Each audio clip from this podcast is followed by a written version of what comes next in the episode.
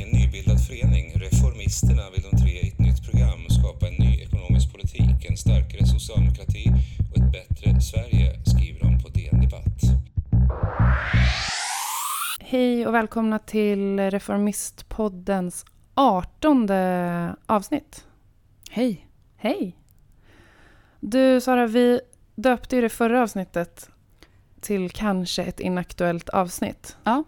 Det var så jävla inaktuellt. Precis, man hade ju nästan kunnat stryka det här kanske. Eller i efterhand kan vi göra det. Precis. Det var inaktuellt. Ett 100% inaktuellt avsnitt när ni lyssnade på det. Mm. Vi, hade ju, vi hade ju i och för sig eh, vi hade ju rätt i att det inte var sannolikt att eh, Ulf Kristersson skulle väljas till eh, statsminister. Ja men precis, vi hade lite regeringskrissspaningar som ändå inföll fast lite snabbare. Än Precis. vad vi vågade hoppas på kanske. Och vi trodde kanske inte att han själv skulle kasta in handduken på det där sättet. Nej. Men men, han Men, blev inte. Det är viktigast. Precis som du och jag förutspådde. Ja, Ungefär. Ja, ja, nästan. Eh, ja men precis, regeringskrisen hann liksom avvärjas Mm. nästan innan ni lyssnade på avsnittet tror jag. Eh, Mm. Och sen så var ju vi så otroligt hoppfulla och du hade Sverige-tröja Ja. och vi skulle gå och se Sverige-Ukraina. Mm. Eh, det gick åt helvete. Ja, det var plågsamt. Det var plågsamt men vi... Men man har, fått, man har ju fått se väldigt mycket fin fotboll ändå. Verkligen. Kul matcher. Det har varit jättemycket rolig fotboll. Jag är lite deppig över att det är över måste jag säga. Mm. Även om jag hade en kanonfinalkväll Mm. i söndags. Ja, det var kul. Och jag, hejar, jag är ju, hävdar ju med bestämdhet att jag egentligen är lite italienare. Mm. Det är jag absolut inte, jag kommer från Örebro. Mm. Men, men jag känner mig väldigt italiensk väldigt ofta. ja, man kan Så låtsas. jag hade ju min andra hemmanation. Eh, Mm. Både i final och på högst upp på prispallen. Ja. Jag... eh, Hejade det du på Italien eller? Ja, det slutade med att jag hejade på Italien. Det var Så liksom inte... lämpligt. Det var liksom inte ja, precis. Jag bestämde mig ändå innan matchen. Innan Eh, förlängningen. Men det var liksom absolut inte självklart att jag skulle heja på Nej. Italien i, i finalen. Du är inte lika, lika italiensk som jag är. Nej, Nej. Det, det är jag faktiskt inte. Nej, men jag, eh, som sagt, jag hade ju väldigt eh, kul finalkväll och eh, var ju väldigt nöjd över resultatet. Mm. Men apropå fotboll så tänker jag att vi kanske ändå vill säga någonting om allt som har hänt efter finalen och det som har drabbat eh, straff, framförallt de som missade straffar i Englands landslag. Mm, just det, det var ju Rashford Och Saka, Saka. och eh, vad heter den tredje nu igen? Sancho. Mm. Mm. Eh, Tre unga tre spelar. unga spelare. Som man kände så mycket för, eller jag kände så mycket, det Mm. gör man ju alltid tycker jag med straff, straffläggning i fotboll. Jag har så Ja, hatkärlek gud, till det. Men särskilt i en jävla EM-final. Ja. Alltså förstå och ställa sig på hemmaplan på Wembley och så ska man liksom, nej men det går inte att fatta. Nej. Och så blev det som det blev och sen har ju liksom det varit en tsunami av hat och hot och rasism Mm. mot de här tre unga fotbollsspelarna. Och det är inte första gången rasism drabbar idrottsmän eller fotbollsspelare. Tyvärr så är det ju ganska många som har fått erfara det. Eh, ja, och det finns väl, jag vet inte om det är liksom, är det värre i England? Nej, men jag vet inte. Men jag tror att det är, det är en ganska hård eh, jargong mot... Alltså det är en hård Generellt. supporterkultur generellt. Ja. Och man brukar ju liksom, jag har också sett väldigt mycket om det här som har lyfts efteråt, om hur mycket mäns våld mot kvinnor ökar Mm. i just brittiska hem Mm, liksom, mm. under fotbollsmästerskap och sådär. Eh, Ja, men också att man så slog sönder delar av städer i, ja, ja, ja. efter Ja. matchen och sådär. Så att det, det, det finns Det är ju otroligt något eh, våldsamt. Liksom. jävligt destruktivt utöver rasismen. Liksom, Ja. eh, där. Eh, men jag har sett att eh, en del har liksom skrivit om så hur man behandlade David Beckham någon gång efter att han hade Mm. gjort någon miss i Mm. någon viktig match eller sådär och att tagit det då som intäkt för att eh, man är elak mot alla, att det inte har med rasism att göra. Men Mhm. jag tänker att det är ändå ganska övertydligt. Ja, och särskilt när hatet och hoten utgörs av just rasistiskt hat Mm. och rasistiska hot. Liksom, när det är det det handlar om och så massivt liksom, som det har varit. Vi såg en, en släng av det, även om det inte, jag tror inte alls i samma utsträckning såklart, men eh, mot Jimmy Durmaz Ja, i just det. svenska landslaget. Det var ju VM senast. 18? Eh, Ja, måste det ha varit då. Var Tre VM? år sedan. Ja. Mm. Eh, när han ju ordnade, eller liksom tabbade sig utanför Mm. straffområdet. Så att Mm. Tyskland fick, eh, fick en jävligt bra frispark i typ sista sekunden. Mm, just det. Och då vet jag ju att det var väldigt mycket från Jan Andersson och svenska landslaget med liksom att vi står upp för, eh, för antirasismen i, i fotbollen. Liksom och, Mm. och sådär. Tänker att man ser liksom motsvarande fast ännu större motståndsrörelse nu i, i världen och fotbolls, fotbollsvärlden. Men Mm. nej, det är vidrigt. Jag vet inte ens vad man, vad, vad man ska säga. Liksom. Nej, men jag tänker Johanna Frändén som är eh, Ja. eh, sportjournalist eh, och som ju var i England, tror jag, eh, finalkvällen. Mm.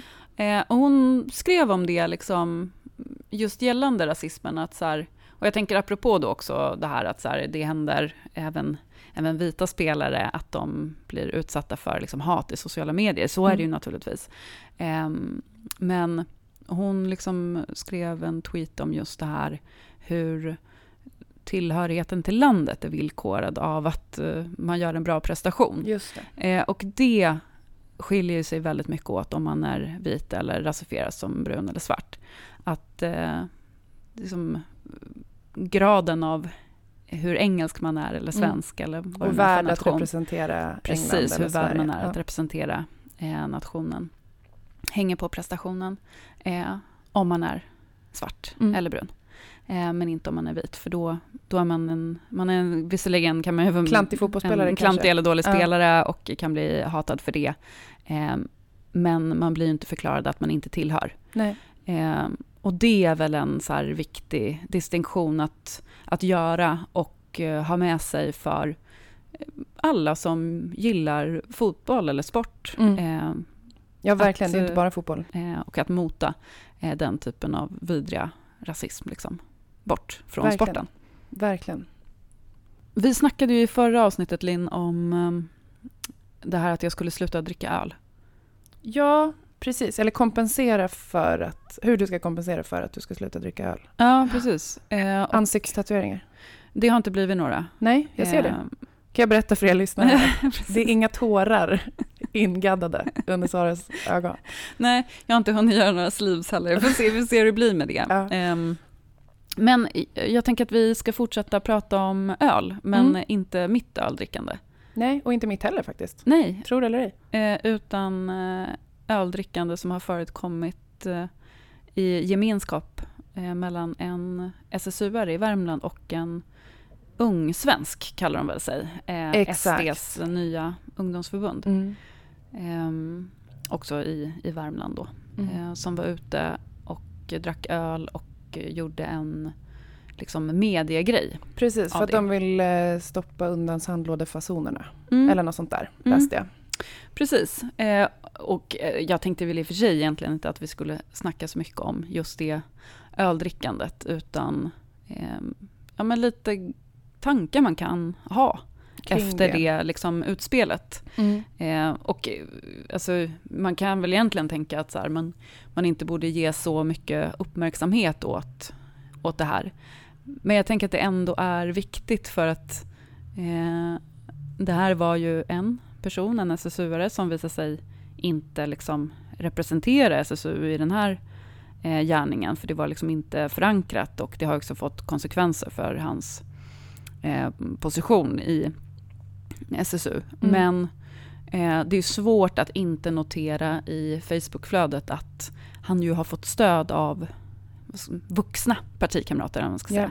Bland annat en partistyrelseledamot och ett kommunalråd i alla fall. Mhm, Det visste inte Eh, och det, ja, men det, det är intressant eh, och det är inga personer vi behöver nämna här. Eh, men det visar ju att det liksom är, inte är en sak som är isolerad bara till den, just den här personens öldrickande. Eh, så att jag tänker att eh, man kanske ska liksom ändå påminna om ett par saker. Mm. Eh, och det första är... Eh, nu sa inte han det så att eh, ja, men på den gamla goda tiden så eh, gjorde vi så här. Men det finns ju ibland någon så uppfattning om att, att det här är en, liksom en ny företeelse det här att ha beröringsskräck med Just det. eh, högerextremister. Ja. Eh, men SSU har ju liksom inte haft eh, en liksom mindre eh, fientlig inställning till högerextremister back in the days än, än vad man har idag.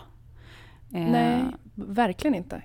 Kanske snarare ännu, ännu mer. Ja, Ja. precis. Alltså det, det är liksom, fascismen är ju vår naturliga fiende Ja. liksom, och har, har alltid varit. Och, eh, jag uppmuntrar absolut inte till, till våld på något sätt men man kanske ändå ska påminna den här SSU-aren och andra som stödjer honom eh, att eh, då, eh, förr i tiden, så var ju SSU ute och hade gatuslagsmål mot nazisterna. Mm. Det var liksom inget poserande med i en skål med öl. Liksom. Som PR-trick. Precis. Nej, Eh, det känns väldigt historielöst, tycker jag, eh, att som som. SSU-are liksom bjuda in till den typen av liksom, eh, mys med Ja, ja och som, eh, som partikamrat oavsett ålder heja på. Mm. Ännu värre kanske. Ja, Om man är en precis. tung företrädare. Liksom.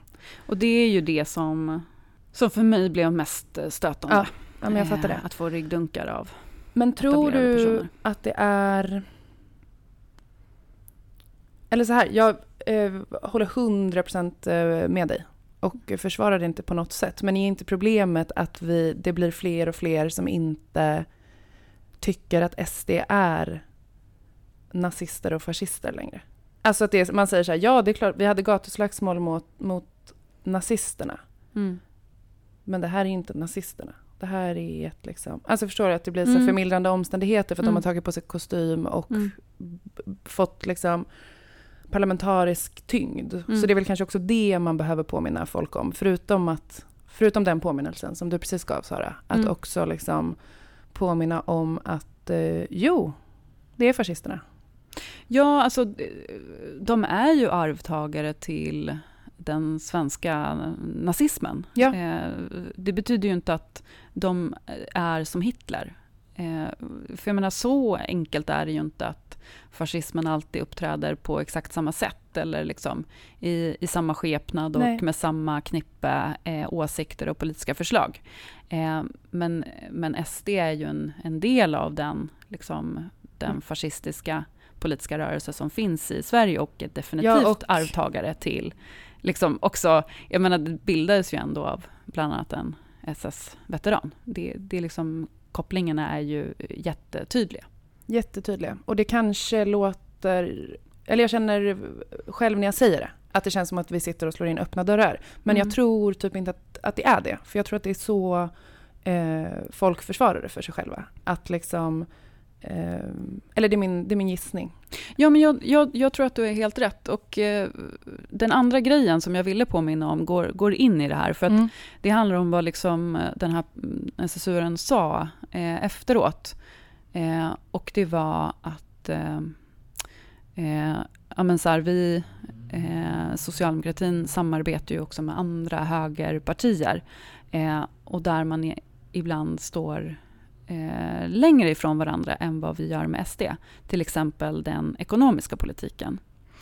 Eh, och så kan det ju säkert vara, att om man bara lägger liksom olika riksdagsmotioner bredvid varandra så kan man hitta en större samsyn mellan oss och SD i förslag gällande så här, en del ekonomiska frågor eller skatter eller så här, transfereringssystem. Mm. Men det som blir problemet är ju att man då inte förstår eh, den ekonomiska politikens funktion för eh, ett fascistiskt eh, parti. Eh, alltså att eh, vi står ju inte nära varandra för att det finns ju ingen, ingen som helst idé hos Sverigedemokraterna att bidra till ett jämlikt samhälle. Nej.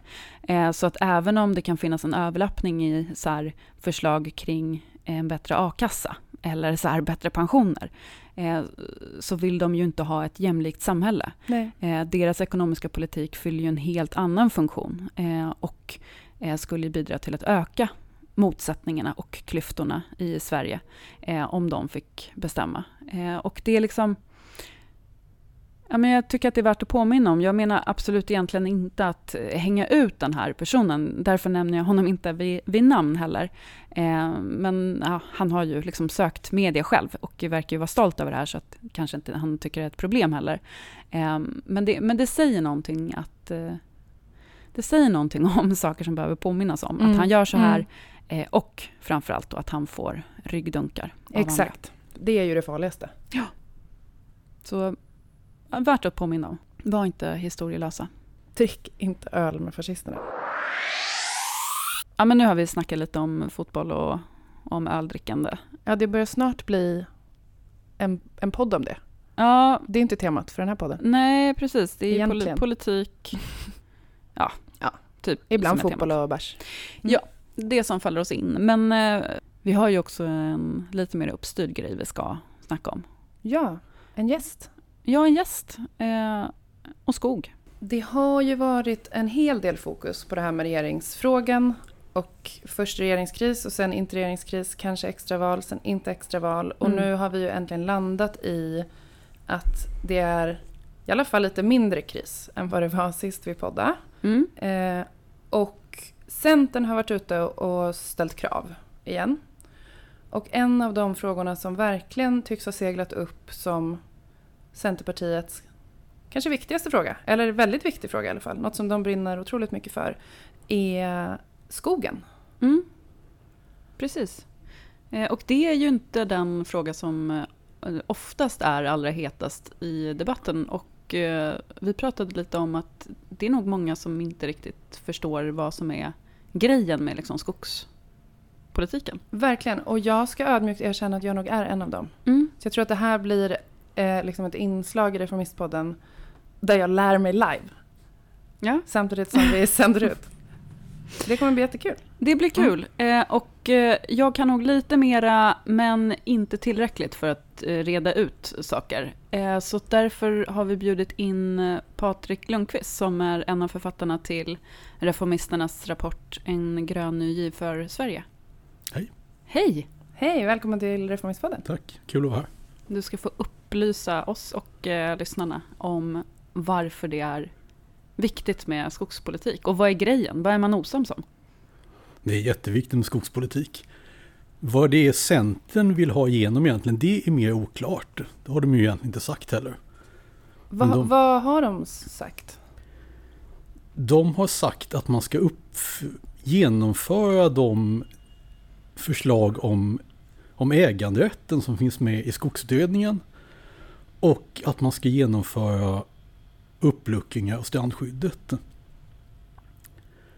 Och det är, det är lite konstigt för att i den här skogsutredningen till exempel så står det väldigt klart att den är skriven för att ta ett helhetsgrepp på skogspolitiken. Mm. Och då balansera äganderättsintressen och miljöskydd.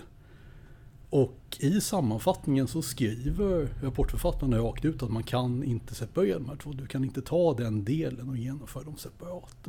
Mm. Så där går man emot utredningens mm.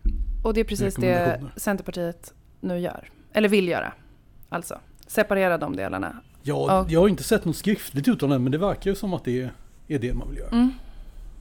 Ja, man brukar ju säga att vi i Sverige har en skogspolitik som bygger på frihet under ansvar. Eh, och eh, ska man tolka dig då som att, eller tolka Centerpartiet som att eh, de vill liksom rucka på den eh, balansen? Alltså att eh, mer frihet, mindre ansvar?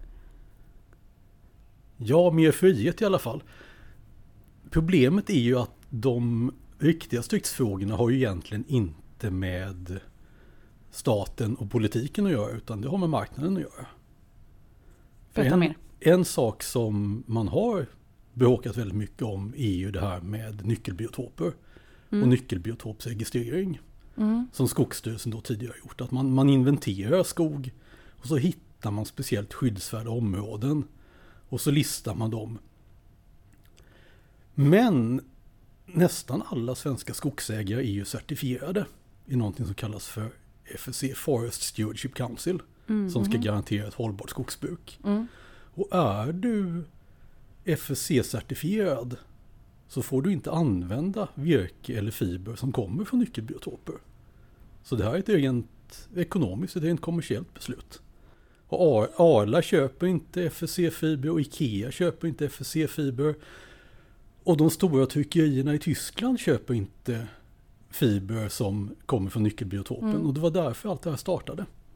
Okej, så det är liksom inte Skogsstyrelsen som är problemet för skogsägarna, utan det är eh, den här certifieringen då, eller problemet, Ja, men...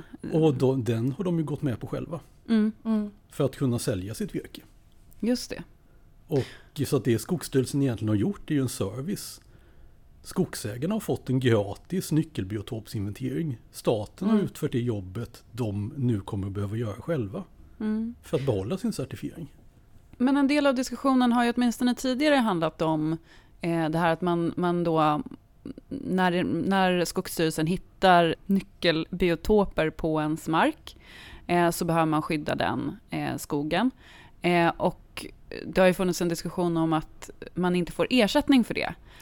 Men vore det då, jag tänker det du säger om eh, certifieringen, vore det rimligt då att det är en fråga som man löser med typ någon fond via, via certifieringssystemet snarare än eh, via eh, statlig ersättning då? Ja, absolut. Staten ska ju inte ersätta problem som uppkommer för att du själv certifierar dig. Mm.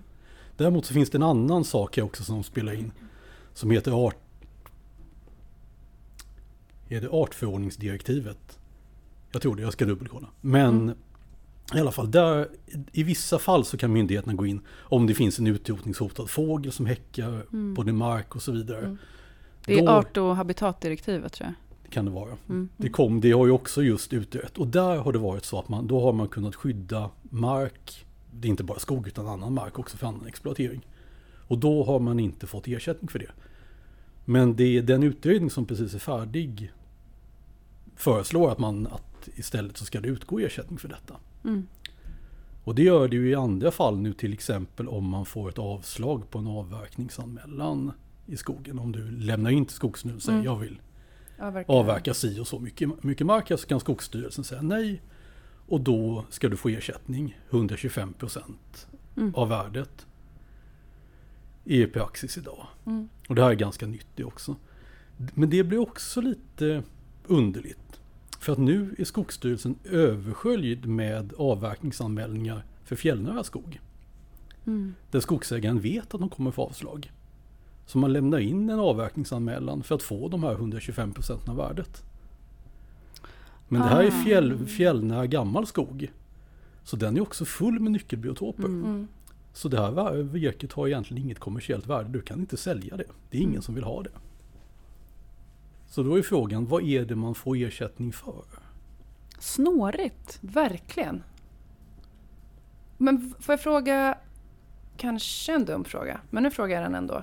Vems ärenden springer liksom Centerpartiet i och med att lägga det här förslaget? Alltså för vem, vem gynnas av att de gör den här förändringen, eller vill göra den förändringen som de vill göra? Det är en jättebra fråga. Jag tror mest att Centern vill se ut som att de gör saker för landsbygden. De flesta skogsägare kommer inte gynnas av det här. De kommer bli tvungna att göra sin nyckelbiotopsinventering själva om de vill behålla sina certifieringar. Mm. Den enda som egentligen har nytta av det är ju kanske massaindustrin som är ganska beroende av att få ha billig råvara. Mm. Så man kan göra billig pappersmassa som man kan exportera. Och varför skulle det bli billigare? Eller på vilket sätt skulle de gynnas av det? Man kanske kan öka avverkningarna. Det är, det är väl här som den stora konfliktlinjen är. Ska man öka avverkningarna i Sverige för att ha mer substitutioner i klimatomställningen? Ja. Eller ska man försöka skydda mer skog och titta på eh, skogens roll som en kolsänka i Mm, klimatpolitiken och binda kol? Mm. Och de två sakerna går inte ihop. Men det är liksom alltså det man kan anta är följden av den linje Centerpartiet är inne och tassar på. Det är i förlängningen ökad avverkning. Ja, kanske om, om, det skulle, om det skulle bli så. För att det är som sagt det är certifieringen som är den, den stora spelaren i den här. Och den råder inte svenska myndigheterna över. Huvudkon huvudkontoret för FSC ligger i Bonn. Mm. Och om nu svensk skogsindustri fortsätter att vara motsträviga mot EU-förslag och kritisera det så mycket. Om svensk skogsindustri börjar få dåligt rykte ner på kontinenten så finns det också en risk att certifieringssällskapen kommer att bli mycket hårdare i sina kontroller. Mm. Och det är inte alls säkert att det skulle gynna skogsindustrin alls. Kanske snarare tvärtom. Mm. Du var inne lite på det, saker som, som är oförenliga eh, gällande skogen. Eh, och det tänker jag är intressant att det Alltså om man följer lite grann skogsdebatten, det är inte alla som gör, jag förstår det. Eh, jag följer den inte heller så nära, men har ju jobbat med, jag har suttit i det utskottet i riksdagen som hanterar frågorna. Eh, och då får man ju lätt uppfattningen att skogen ska lösa så otroligt många problem. Eh, vi ska bygga mer i, i trä eh, för att det är liksom miljösmart. Eh, vi ska ersätta plast och kemi liksom med eh, skogsråvara. Mm. Och ja, men även andra material vill man ersätta med, med skogsråvara. Mm, och man ska använda det som kolsänka. Och samtidigt så finns det ett behov av att skydda mer skog för att skydda biologisk mångfald. Och det går ju inte riktigt ihop. Nej, det gör det inte. Men hur, vad är liksom, om, man, om, om vi lämnar Centerpartiet lite, vad ska man tänka är liksom, vad är liksom problem, vad är problemet och vad, hur ska man liksom navigera i det här? Ja, man måste prioritera och så måste man inse att det finns flera olika legitima intressen. Mm. Vi vill ha ett aktivt skogsbruk. Vi vill ha en kolsänka för klimatet. Mm. Det är antagligen det billigaste sättet vi har att lagra kol och kompensera våra utsläpp. Och vi behöver skydda den biologiska mångfalden. För Sverige, vill, Sverige och svenskarna vill ha en levande natur att vistas i. Mm. Och alla de här intressena är helt legitima och då måste vi försöka hitta en vettig balans mellan dem. Just Mm. Och hur, hur, liksom, hur ska man tänka sig att man, att man gör det? För det är ju liksom... Eh, mycket av det här är ju som du är inne på, eh, liksom marknader. Eh, där där liksom resurserna går dit eh, pengarna eh, finns. Det är ju inte alltid det överensstämmer med där behoven är som störst i samhället. Nej, det är det. Så är det. Och där kanske man kan tänka sig att det kommer behövas reglering. Det kommer komma mycket lagstiftning om det. Mm. Den här lagstiftningen som är på gång inom EU kommer säkert att sätta upp hårdare regler för vad som får räknas som hållbara biobränslen till exempel. Mm. Just det. Och där skriver man ju att man ska vara betydligt noggrannare än vad man är idag med att bara använda då överskott och restprodukter. Bark, grenar, flis och sådana här saker. Mm. Men det är ju det är ju också en möjlighet. Jag menar, vi, vi har en bra skogsindustri som skulle kunna göra produkter med ett betydligt högre förädlingsvärde.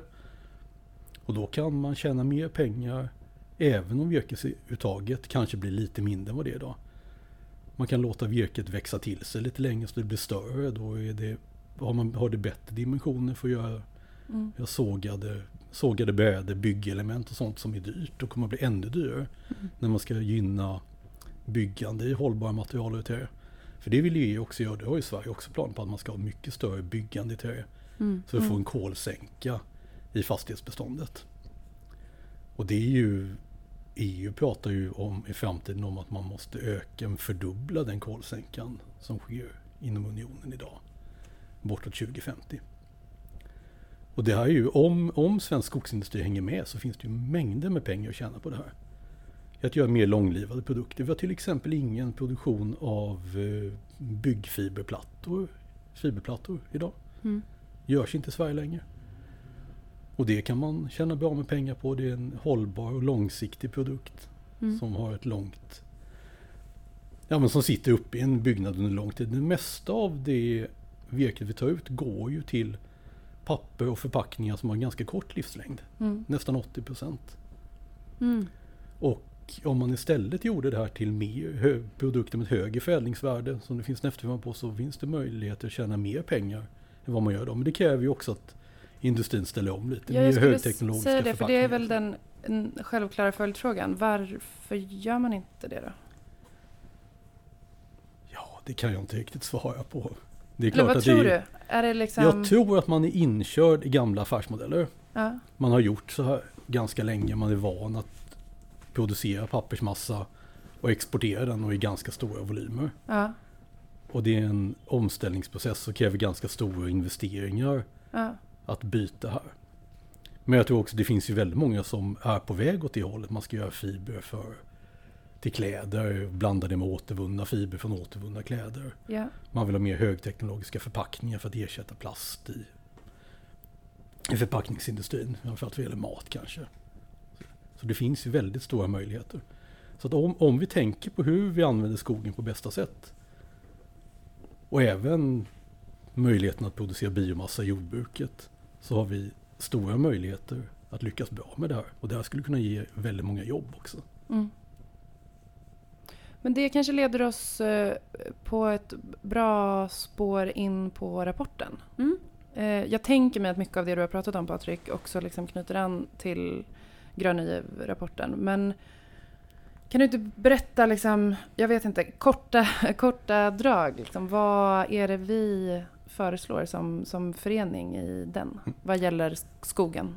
Ja, men vi försöker göra precis det jag sa innan, att vi försöker balansera de här olika intressena. Exakt. För att vi har, man kan hitta lösningar som både är bra för klimatet, som är bra för den biologiska mångfalden och som är bra för skogsägaren. Mm. Och skogsägarna är ju väldigt olika.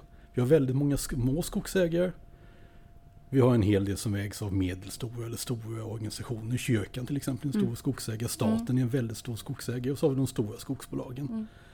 De här har ju olika intressen. Mm.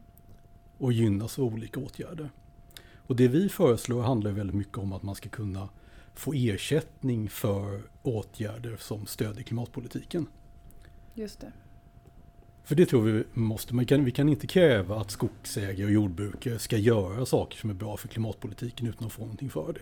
Det är klart att de vill hjälpa till men det är också klart att vi ska betala för detta. För det, de utför en samhällsnyttig tjänst som vi då kan köpa. Mm. Och i det här fallet så är det kol i marken som Mm. är skörden som vi sen köper. Så då eh, man ger ersättning för att låta skogen stå? Ja, det skulle man kunna göra. Vi har flera olika förslag där. Mm. Ett förslag som vi tror kan lösa upp den här knuten mellan certifiering, nyckelbiotoper där, och skogsbruk där en skogsägare som har mycket nyckelbiotoper, mycket fin och skyddsvärd skog Mm. men kan inte avverka, det blir en väldigt stor ekonomisk belastning. Mm. Men det vi föreslår då är att en, en markägare ska kunna avsätta skog i vad vi kallar för klimatreservat. Och då få en inkomst för den kol, det kol som kontinuerligt binds i skogen medan den står där och växer. Mm. Och då kan man ju tjäna pengar på de här nyckelbiotoperna.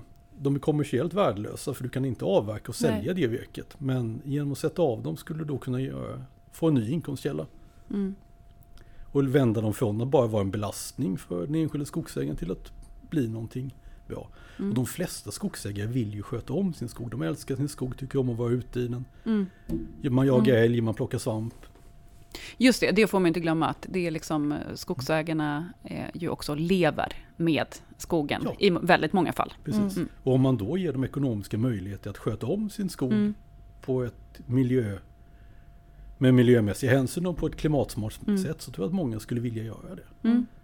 Men sen Så har vi också, klimatreservat alltså? ja, precis. Mm. Men sen har vi också andra förslag och som handlar mer om, och det gäller både skogsbruket och jordbruket, att man kan ändra brukningsmetoder som gör att inlagringen av kol blir större än vad den är med de traditionella metoderna. Mm. Och det är då att gå från kalhyggesbruk till att plocka pö om pö? Ja, Eller till exempel. Det, det, är en, det är en möjlighet. Det finns många olika åtgärder man skulle kunna. Man kan låta kanske skogen stå länge innan avverkning. Mm. Man skulle kunna gå över från kalhyggesbruk till plockhyggesbruk som är miljövänligare. Det är lite mindre lönsamt. Men om man då får ersättning för den kol som växer upp i skogen Mm. så kanske den, den ekvationen blir annorlunda. Det beror givetvis på var ersättningsnivåerna ligger men det är ju någonting man måste utreda. Mm. Men där har vi en möjlighet att ge en skogsägare sån kompensation att den typen av skogsbruk blir lönsamt. Mm. Mm. Och även då för jordbrukare att man, om man börjar använda till exempel fånggröd eller mellangröd som det heter. Alltså när du slår säden så har du redan sått i klöver till exempel. Mm. Så att marken är aldrig bar utan när du slår säden så växer det fortfarande lager klöver. Och det här kan man sedan använda till bete eller till vall eller skörda Just till det. biomassa, till industrin. Mm. Plus att ett sånt ett sånt sätt att bruka jorden också leder till en större kolinlagring i Mm. marken.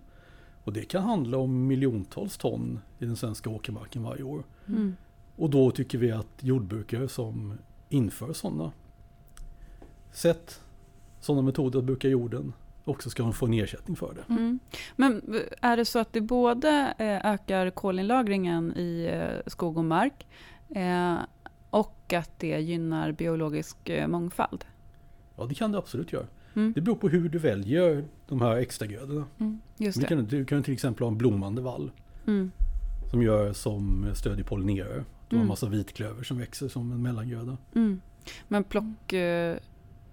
Bruk eller vad sa du att det Ja, nej, så plockhuggning. Plockhuggning. Mm. Det, Eller- eller det, är mera, det är bättre för eh, den biologiska mångfalden än på kalhyggen. ett sätt. Ja. Mm. Och det är ju också standard i många andra europeiska länder. De flesta Okej. europeiska länder får du inte bedriva kalhyggesbruk på det sättet som Sverige gör. Ja. I Tyskland till exempel, där har man alltså man, man har andra regler där man tillåter det det blir kala områden men de blir mindre och de kallas gläntor. Men Ja, Okej. Mm. Men det låter ju som att det är liksom eh, många så morotförslag. Om man ska dela upp det i morot och piska Absolut. på något vis. Som jag vet att GNDs Mm. olika förslag är. Ehm, och att det är, ja, men som du är inne på, liksom, det ska löna sig att göra rätt och göra bra. Och det är morötterna. Är, finns det piska också? det gör det inte så mycket i det området. Piskan är väl snarare så att vi fasar ut fossila bränslen och så som man Ja. måste ställa om. Ja. Och i och med att elektrifieringen kommer att ta längre tid för arbetsmaskiner, jordbruket och så vidare så föreslår vi faktiskt morotsförslag här också att man ska få stöd för att gå över till hållbara bränslen för sin maskinpark som lantbruk gör. Mm. Och det är helt enkelt för att det är en så stor kostnad för lantbruken. Ja. Det svenska lantbruket har redan idag dålig lönsamhet så det skulle vara en väldigt stor börda helt gå över till biobränslen idag till exempel. Utan morötter? Men precis, vi, och då har vi, har vi en morot för att byta bränslen men Mm. samtidigt så tar vi bort subventionerna av fossil Just det. diesel. Det låter ju, tänker jag, som att det är politik som både land och skogsbrukarna, eller liksom skogsindustrin, borde digga. Ja, vi hoppas det. Ja. Ja. de, de jordbrukare och skogsbrukare jag har diskuterat politiken med har varit väldigt positiva. Ja. Men det är också det är ofta mindre skogsbrukare. Om det är lika, på, lika positivt i, i skogsindustrin, det vet jag inte. Nej. Men jag tror att man kan hitta avvägningar där som gör det bra för alla. Mm. Och framförallt om man, om man som sagt erkänner att det finns olika intressen och att alla de här intressena behöver balanseras. Mm. För att det är, svensk natur är ju också en gemensam angelägenhet. Mm. Mm. Ja visst. Ja, och det har vi inte pratat så mycket. Du var inne på det eh, Patrik, men eh, rekreationsvärdet som ju finns i skogen. Det, det, där, det är ju svårt att sätta ett liksom, penningavärde på. Eh, och eh, det, det är kanske också svårt att argumentera för att man ska ersätta på den, på den grunden. Men vi vet ju att det är ett jätteviktigt värde som, som också liksom spelar in i ekonomin, att vi har skogen som rekreationsområden för väldigt många människor. Och sen har vi en del andra förslag som också rör jordbruket. Vi pratar ju om till exempel att man ska, måste återskapa en massa våtmarker i Sverige. Just det. Mm. Och det är ju också en någonting som kan stödja naturvärden, biologisk mångfald och lantbruken som får ersättning för att återskapa de här våtmarkerna. Mm. Kanske kan använda dem för att odla vattentålig biomassa. Och, men som sagt, de får stöd för att genomföra det här. Och de här våtmarkerna som Naturvårdsverket har prioriterat, de är också de är ju ofta sanka, vilket gör att de idag inte odlas lika in, intensivt som övrig åkermark. Det Mm. handlar om gamla utdikade mossar, gamla Mm. utdikade sjöar. Och om vi kan återskapa de våtmarkerna så kommer vi att kunna minska jordbrukets utsläpp väldigt mycket. Mm. Och vi kommer också kunna skapa stora naturvärden. Så återigen har vi en, en situation där vi genom att ersätta lantbrukarna eller skogsägarna ordentligt kan lösa flera problem samtidigt. Mm. Just det. Och just eh, myllrande våtmarker tror jag det är formulerat eh, ett av de se- eh, 16 svenska miljökvalitetsmålen. Eh, vi har ju konstaterat under många år att vi inte liksom når särskilt många av, av miljömålen och eh, våtmarker är en sån som eh, kanske inte är top of mind när man pratar eh, miljöpolitik, Nej. men viktigt Visst. på olika sätt som Jo, du säger. och nu när vi har haft några år med torka och så vidare så kan man också se nyttan av Mm, återskapade våtmarker. För det kan begränsa skogsbränder, det kan vara Mm. vattenmagasin för bevattning mm, när torkan slår till i landsändar. mm. Väldigt aktuellt just nu, Mm, verkligen. om man säger, Mm. med tanke på värmeböljan som ser ut att hålla i sig. Mm. Mm. Men om, eh, om du bara killgissar lite Patrik, eh, för det får man göra i den här podden. Eh, hur liksom skulle det, om, man, om rapporten En grön ny för Sverige blev verklighet, hur skulle det påverka tillstånden för de svenska miljömålen? Förutom just våtmarkerna som vi precis pratade om. Det skulle lösa ganska många problem med miljömålen. Mm. Det är framförallt då våtmarker och levande skogar. Mm. För att det är ju också en del av planen att vi ska skydda mer, mycket mer skogsmark då i klimatreservat genom att stödja alternativa former av skogsbruk och så vidare. Mm. Vilket då ger dels skyddade områden men också mindre intensivt brukade områden. Och då genom att bruka områden mindre intensivt så minskar vi också behovet av strikta naturreservat. Då kan vi ha ett, ett lågintensivt skogsbruk över större ale- arealer istället. Jo, jag tror att det kan vara en bra politik Mm. för Sveriges landsbygd och för Sveriges klimat. Mm. Ja, det är ju eh, fantastiskt att vi har såna genier i den här föreningen som tar fram en sån här rapport. Jag som vet. fröjd. Det är så skönt att man bara kan... Det finns, all, det finns alltid folk att plocka fram ur föreningen. Bara, Ja. Nu behöver vi lära oss lite mer om det här. Mm. Då ringer vi en vän. Men Till vi är ju världens Patrik. bästa förening. Ja, Helt klart. Absolut. Tack snälla för att du eh, kom till eh, podden Patrik och lärde det. oss massa saker. Ja, Tack för att jag fick vara med. Det blev ett avsnitt om både den tillfälliga sommartemat fotboll och öl Mm. men också lite viktiga påminnelser Mm. och en kanonbra crash course om skog. Tack för det Patrik. Ja, verkligen. Eh, man får insupa alla kloka saker och all kunskap. Mm, verkligen. Det gör vi fler gånger med fler föreningskamrater. Yes. Men du, eh, ska vi kalla det här ett avsnitt då sa du? Ja, vi kanske bara ska säga att eh, från och med nu de kommande veckorna så kommer det komma ut ett avsnitt eh, varje torsdag. Så att eh, nästa vecka blir eh, det sista ordinarie avsnittet för den här terminen, eller vad man nu Mhm. säger. Eh, sen ska ju du och jag vara lite lediga. Mm. Eh, men vi har gjort en lite special sommarserie. Precis, så även om vi förhoppningsvis slappar någonstans när avsnitten kommer ut Mm, så kommer eran poddspelare att fyllas med Reformistpoddens sommarserie. Precis. Och vad, vad är det? Alltså det, är, det handlar om eh, socialdemokrati.